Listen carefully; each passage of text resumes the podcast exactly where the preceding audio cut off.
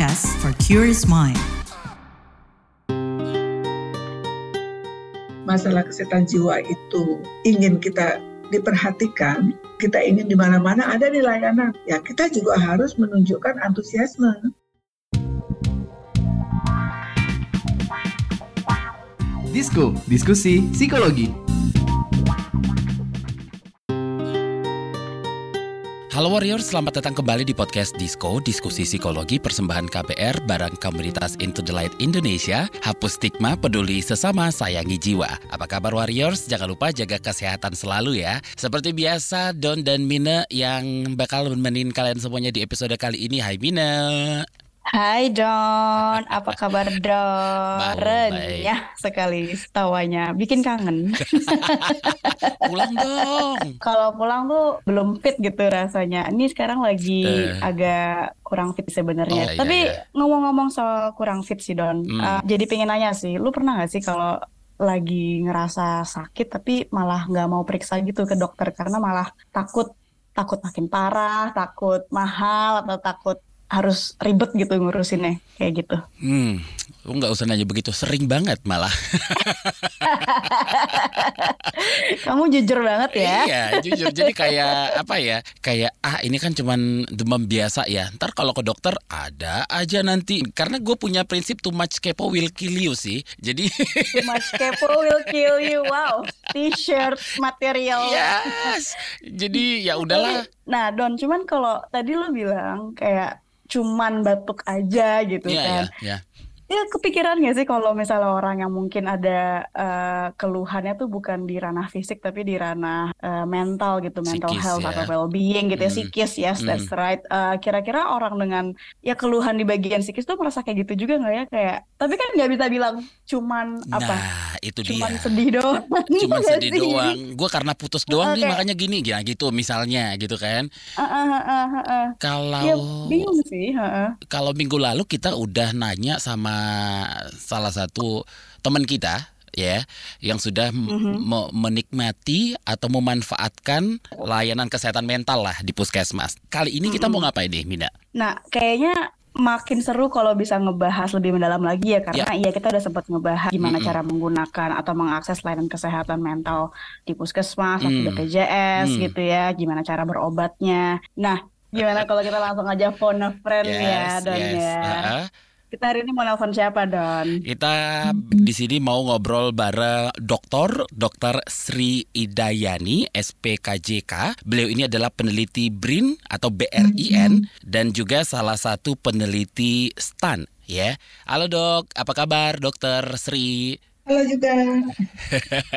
Oke, dokter sebelum kita mulai peneliti STAN itu Mhm. apa itu, Dok? Jadi STAN itu suatu proyek ya, Hmm. proyek penelitian Hmm. yang singkatan dari Sustainable Treatment for Anxiety and Depression. Hmm. Nah, itu jadi proyek STAN itu melakukan sebangsa survei, tapi hanya di tiga provinsi yaitu Jawa Barat, Jawa Tengah, dan Jawa Timur. Dan di setiap provinsi itu hanya dua site. Dua site itu maksudnya dua desa ya, dua desa. Hmm. Eh, jadi tidak nasional juga, tapi itu dilakukan dengan serius dan didanai oleh pihak asing. Hmm. Oke, menarik banget ya. Jadi semoga dari hasil penelitian ini bisa segera diakses juga hasilnya gitu ya dok ya. Nah dok, tadi kita ngobrol tentang gimana cara mengakses layanan kesehatan mental terutama di puskesmas. Sebenarnya pertanyaannya mungkin ini ya dok, bisa nggak sih kita berobat untuk kesehatan psikis kita gitu dengan harga yang murah, Hmm. terjangkau, kayak di Hmm. puskesmas tentunya ya. Kalau Yes. kita ngomong murah dan terjangkau kan langsung otomatis kepikirannya puskesmas. Mhm. Karena di episode sebelumnya kayak tadi yang Don juga sempat bahas udah ada testimoni dari dua warriors Ya. yang udah memanfaatkan akses ke kesehatan mental di puskesmas dan rumah sakit gitu ya. Nah, cuma pertanyaannya Dok, apakah layanan yang sama ini bisa diakses semua orang di seluruh daerah di Indonesia? Mhm. Jadi yang namanya puskesmas itu tentunya kan untuk semua masyarakat ya. Eh, Siapa saja boleh ke puskesmas ya. Eh, Sepanjang dia punya kartu berobat misalnya dalam hal ini BPJS. Mhm. Atau kalau nggak punya ya terpaksa bayar sendiri tapi harganya sangat murah gitu kan ya. Hmm. Masalahnya itu kan ada nggak layanan jiwanya gitu Hmm. kan. Sementara di Indonesia ini kan jangankan layanan jiwa, masih ada puskesmas yang nggak punya dokter umum gitu ya. Oke. Jadi, eh, tapi itu kan kalau di Jawa, Bali itu hampir nggak ada ya. Mungkin itu di Indonesia bagian timur. Nah, kalau ditanya boleh apa enggak, ya pasti boleh. Eh, merata atau enggak, ya puskesmasnya merata, tapi fasilitasnya yang berbeda-beda. Maksudnya dalam hal ini fasilitas sumber daya pelayannya ya. Misalnya ada puskesmas yang di Pulau Jawa bahkan sampai psikolog klinis pun punya gitu ya. Hmm. Sementara yang seperti saya sampaikan itu jangankan psikolog gitu, dokter umum aja nggak punya gitu. Tapi pada prinsipnya sepanjang puskesmas itu ada layanannya, itu tentu bisa diakses. Dan layanan kesehatan jiwa itu juga tidak selalu ya punya punya poli jiwa gitu kan. Ya. Tapi eh, datanglah ke dokter umum gitu ya. Tentunya nanti dokter umum itu atau mungkin bukan dokter umum ya, tapi mungkin perawat yang sudah terlatih ya. Dia akan tahu nih, oh ini orang ini nggak bisa nih saya atasi di sini, Hmm. harus saya rujuk gitu ya. Nah, nanti akan dirujuk entah itu ke rumah sakit di kabupaten atau di provinsi. Hmm. Oke. Jadi soal ditanya bisa ya bisa, tapi ada nggak gitu ya? Ya kalau nggak ada nanti eh, petugas di puskesmasnya akan merujuk. Jadi kalau di rumah sakit RSUD itu di kabupaten itu umumnya sih itu ada psikiaternya ya, Hmm. eh, ada poli jiwanya. Eh, namun untuk kabupaten-kabupaten tertentu mungkin yang jauh, eh, mungkin dokternya itu tidak ada di situ gitu ya. Dokternya itu didatangkan gitu dari ibu kota provinsi gitu ya. Eh, namun sekarang memang sudah banyak juga yang ada dokter eh, psikiaternya. Namun itu tidak semua. Jadi paling paling itu adanya psikolog satu, kalau klinis satu, misalnya dokter psikiater satu. Itu kalau di RSUD ya Ya. yang kita bicara di kabupaten. Nah, kalau lembaga psikologi itu kan namanya juga psikologi. Yang utama di situ kan psikolog ya. Psikolog itu kan macam-macam juga ya. Tapi ada psikolog klinis, ada psikolog niaga, tapi umumnya di situ yang klinis lah ya. Walaupun mungkin dia juga mempekerjakan, meng-hire psikolog yang niaga kah, entah untuk SDM kah, bisa gitu ya.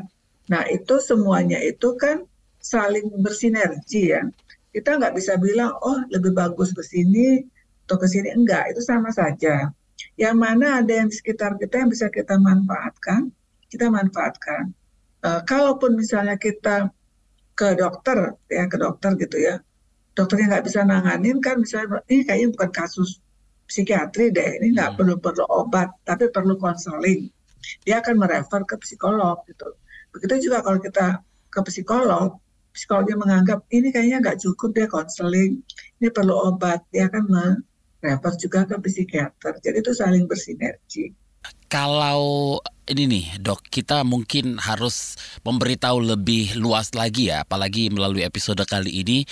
Bagaimana sih cara mengakses bantuan layanan kesehatan jiwa di puskesmas gitu loh dok? Biasanya puskesmas yang kayak gimana nih, yang ada layanan itu kita bisa lihat ciri-cirinya nggak? Ya, mungkin nggak semua puskesmas itu ada layanan kesehatan mentalnya gitu. Ya enggak sih ya, karena Hmm, gini, ya. Pertama kalau kita mau ke puskesmas kan kita harus punya kartu BPJS ya. Se- Ya betul. Kalau kita Mhm. mau gratisan ya. Mhm. Kalaupun kita nggak punya kan kita harus bayar. gitu ya. Bayar ya. Tapi kan pemerintah kan juga sudah sekarang ini kan sudah hampir 90% orang punya peserta BPJS ya. Ya. Nah, jadi kita anggap kita pasti punya ya. Kalaupun kita nggak punya, ini ada sesuatu yang salah nih. Ya. Kenapa saya nggak punya gitu ya? Ya. Kita ya daftar lah gitu ya. Ya. Kalaupun kita misalnya orang tua kita nggak mampu ya, Hmm. ya kan mungkin kita biasanya sih di desa itu kan didata ya. Hmm. Oh ini orang-orang ini nih dianggap tidak mampu membayar iuran dan itu akan diberikan oleh pemerintah dan Hmm. itu akan dibayarkan oleh pemerintah Mhm. iuran BPJS-nya ditanggung. Jadi tidak ada alasan bagi kita untuk tidak memiliki kepesertaan BPJS. Nah, namun kalau kita untuk tahu nih ini ada layanan jiwa apa enggak itu memang susah ya Hmm. karena ada puskesmas yang nulis tuh di depannya layanan yang tersedia ini ini ini kesehatan reproduksi, Ya. eh, gizi gitu, KIA kesehatan ibu dan anak. Ada juga yang nggak nulis gitu kan. Nah, kita bisa tanya sih ke itu ke bagian pendaftaran. Hmm. Namun begini ya, sebenarnya itu memang kita datang aja gitu ya ke dokternya di situ ya. Kan dia nanti yang mengarahkan. Hmm. Oh ini saya nggak mampu dia menanganin ini. Dia kan rujuk nanti ke rumah sakit ya. Jadi kalau Oke. tidak ada, kita nggak mesti yang ada gitu ya. Ah, Kalau nggak ada, ya nggak apa-apa. Nanti juga dirujuk. nah itu Atau dia mungkin dok. begini, Iya. atau mungkin begini ya, banyak sekali gangguan jiwa itu kan campur aduk dengan fisik ya. Jadi kalau kita ada masalah kesehatan jiwa, ya kita merasa sakit mah lah, kita merasa Hmm. nggak nafsu makan, kita merasa badan kita sakit. Nah, mungkin eh, dokter itu ti- untuk tahap awal tidak mampu ya membedakan. Mm-mm. Ini sebenarnya ini sakit apa sih orang ini ya? Apa ia stres? Biasanya dokter itu akan mendahulukan penyakit fisiknya. Hmm. Ya, ya. Jadi walaupun kita bilang saya ini stres dok, gini-gini, yang kamu rasakan apa? Ya, saya sampai nggak bisa makan. Ya nggak bisa makannya dulu diobatin kan. Nah, ya. Jadi eh, nggak mesti gitu ya kita harus oh harus jiwa saya dulu diobatin enggak. Nggak apa-apa fisik dulu diobatin. Nanti kan dokternya akan melihat ini ini orang sudah beberapa kali berobat kok nggak sembuh-sembuh ya gitu ya. Sakit kepalanya atau sakit mahnya. Ini pasti ada masalah jiwa nih dia nih ya.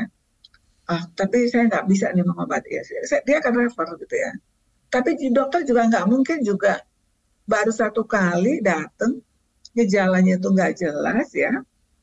Eh, misalnya kita bilang dok saya ada masalah nih, ya langsung dirujuk ya nggak mungkin gitu ya, karena Hmm. dia juga akan kena tegur. Kenapa terlalu Hmm. banyak merujuk gitu ke rumah sakit? Sih kamu mampu atasin dulu gitu kan. Jadi eh, memang sih kita jangan putus asa juga kalau kita misalnya datang ke puskesmas nggak dirujuk nih apa eh, cuma diobatin sakit emahnya ya memang sakit emahnya harus diobatin dulu kalau nanti dokter sudah membuktikan penyakit fisiknya sudah diobati tapi anaknya masih mengaku. Nggak tenang pikirannya ya baru dia rujuk gitu Bes, ini- jangan putus asa. Benar, benar, benar. Berarti memang kalau kita datang ke puskesmas lah, let's say ya dok ya, di situ tidak ada layanan eh, kesehatan mentalnya, berarti ya memang kita harus ke dokter umum dulu, ke poli umum dulu begitu ya Iya, dok ya. iya Ah, ah, Hmm. begitu berarti ya memang si dokternya itu nanti yang akan memutuskan oke berarti kita harus dirujuk selanjutnya ke RSUD misalnya kayak gitu ya yang ada layanan kesehatan mentalnya seperti itu ya Iya. dok ya ya iya oke Mm-mm.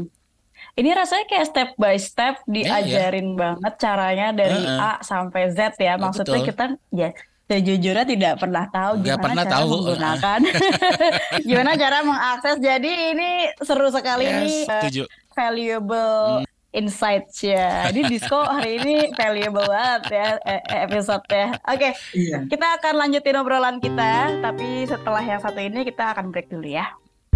Saudara pemerintah menyerahkan Tolong, tolong. Oh, sang pencipta nun jauh di sana. Aku sudah tak sanggup. Sepertinya ajalku sudah dekat. Oh, Isabella kekasihku. Maaf, Kakanda melanggar janji.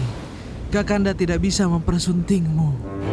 Wahai anak muda, nun jauh di sana. Bertahanlah. Kami, Kesatria Homo Sapiens, datang menyelamatkanmu. Oh, sang pencipta. Akhirnya kau jawab doaku. Isabella, Kakanda datang. Aduh, udah sini buruan. Nggak mau kan tenggelam dalam derasnya arus informasi? Makanya dengerin FOMO Sapiens, jalan pintas yang nggak bikin kamu ketinggalan berita atau peristiwa di sekitar kamu. Bersama saya Ian Hogan. Dan saya Aika, hadir setiap Jumat. Simak hanya di kbrprime.id dan di platform mendengarkan podcast kesayangan kamu. Disko, diskusi psikologi. Halo Warriors, we're back dan kita akan melanjutkan obrolan kita tentang mengakses layanan kesehatan mental ya, Don ya, Mhm, bersama dengan Dr. Sri Idayani atau dipanggilnya akrabnya dipanggil Dr. Sri. yes Kita juga masih punya banyak pertanyaan nih ya, Don Mhm. ya. Cuman tadi kita masih bertanya-tanya juga sih ya, Don, kenapa layanan kesehatan jiwa ini masih belum banyak, nggak tahu banyak yang, eh belum banyak yang minat atau nggak pada malah nggak tahu sama Ya, sekali ya gitu ya. Mhm. Ternyata emang ada risetnya sih ya Don ya. Mhm. Coba kita buka contekan kita.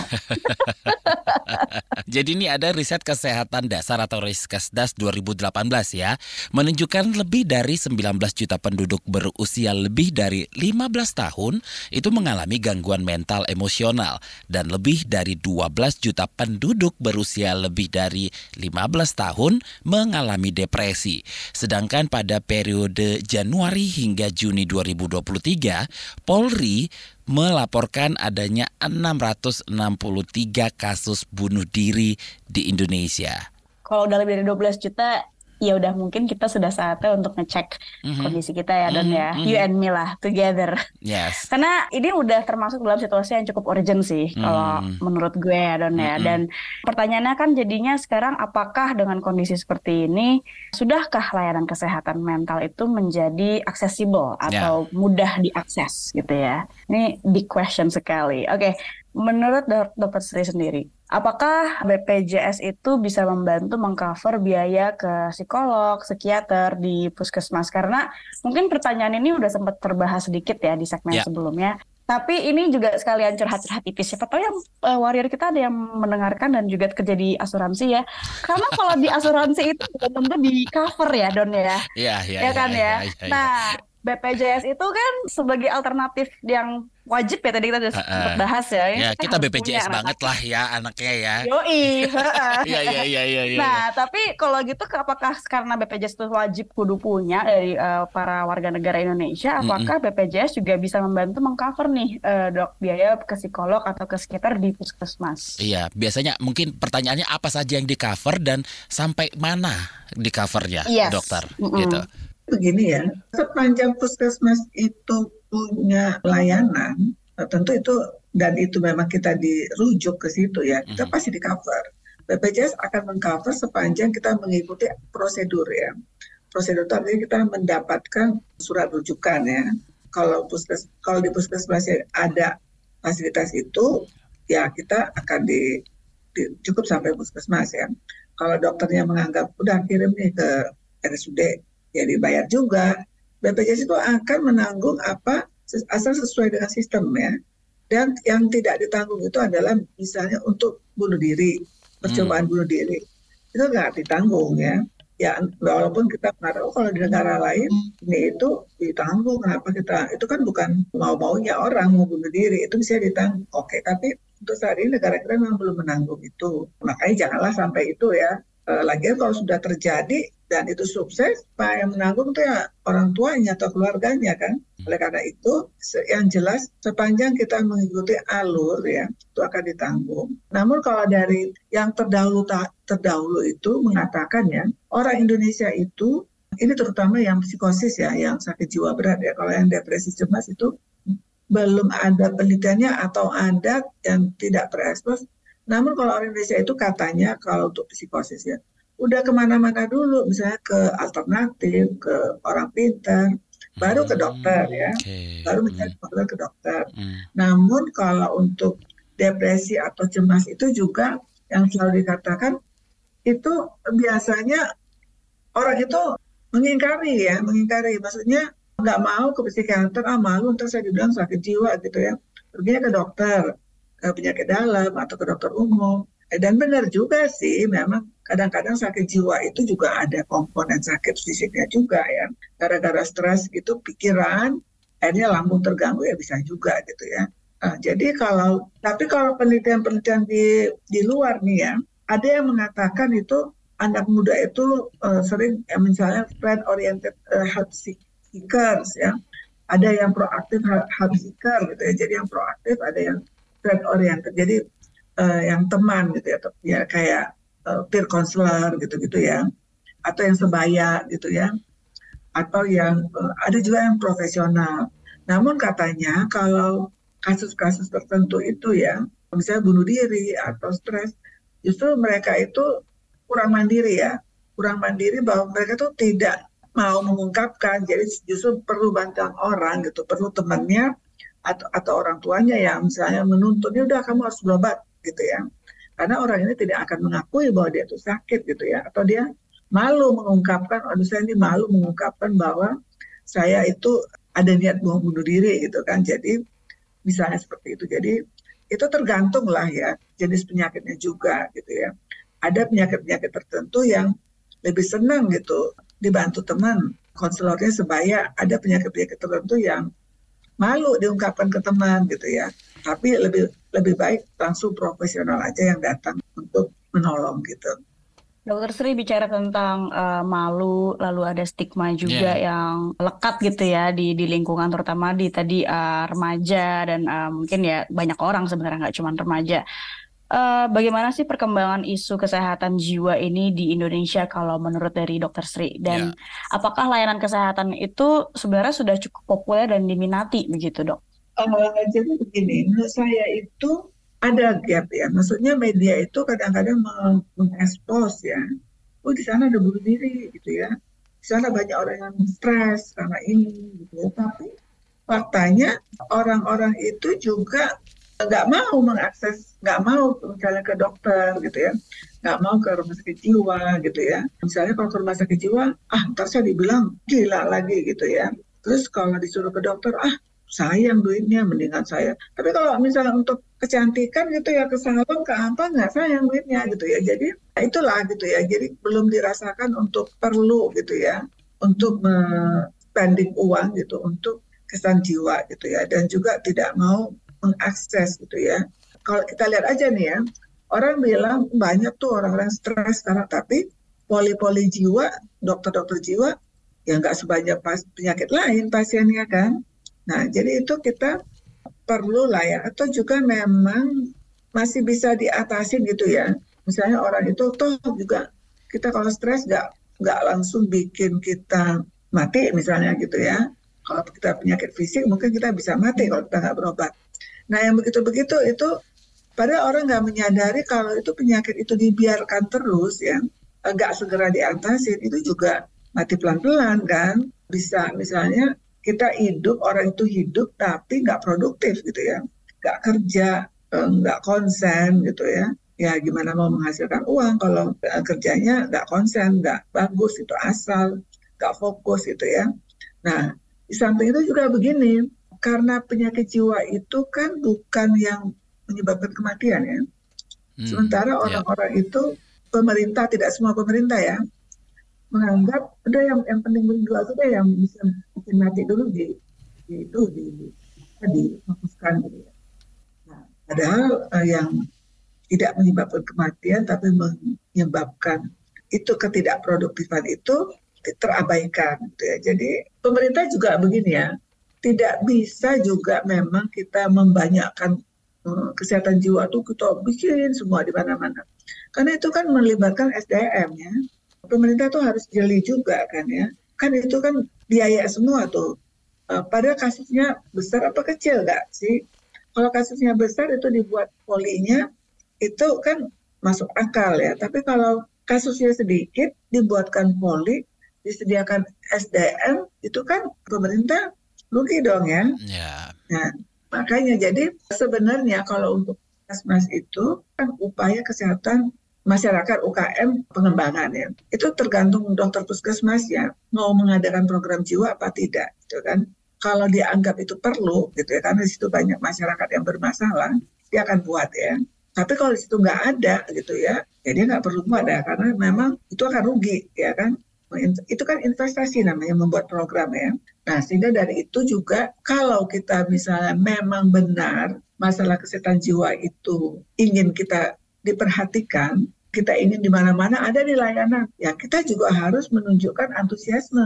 Kalau kita misalnya bermasalah, kita berobat gitu ya, Ya, ya. supaya kelihatan, oh ini banyak nih yang berobat nih ternyata. Jadi puskesmas juga mengadakan, oh obat ini harus diadakan nih karena banyak nih yang mengeluh nggak bisa tidur misalnya, Hmm. banyak yang mengeluh tidak fokus. Ini Pak, perlu nih obatnya diminta ke Ya. gudang farmasi gitu. Jadi kita juga masyarakat juga harus ada antusiasme supaya itu ada gitu karena Hmm. pemerintah itu juga uh, tidak bisa membuat program yang tidak ada peminatnya gitu loh. Yes, banyak permintaan pasti disediakan seperti itu kira-kira ya dok Iya, ya. Wah, iya. Banyak permintaan nih di sini. Oke, kita adakan polinya gitu. Terima kasih Dokter Sri atas penjelasannya kali ini. Mudah-mudahan apa yang kita sampaikan bisa diserap alah oleh para warrior semuanya ya. Episode kali ini juga merupakan hasil kerjasama dengan Global Health Research Group on Sustainable Care for Anxiety and Depression atau GHG STAN, sebuah kelompok riset kerjasama antara Fakultas Ilmu Keperawatan Universitas Indonesia, University of Manchester, Manchester Metropolitan University, dan juga Badan Riset dan Inovasi Nasional atau BRIN yang memiliki berbagai macam program pengembangan perawatan kesehatan jiwa berbasis bukti untuk empat tahun ke depan. Dan terima kasih juga nih buat kamu warriors yang sudah mau mendownload dan mendengarkan podcast ini sampai di durasi yang ini. Wah, thank you banget Mhm, setia ya, mhm. loyal listener. Dan dengan mendengarkan podcast ini, semoga kita bisa saling membantu menghapus stigma di masyarakat, lebih peduli juga terhadap orang-orang di lingkungan sekitar. Dan tentunya jangan lupa juga untuk selalu menyayangi jiwa sendiri ya. Sampai ketemu lagi di podcast episode selanjutnya. Dengarkan di kbrprime.id. Gue Don. Gue Mine. Pamit undur diri. Pamit undur diri dulu. Bye-bye. Bye. Kita ke puskesmas dulu. Bye. Dadah.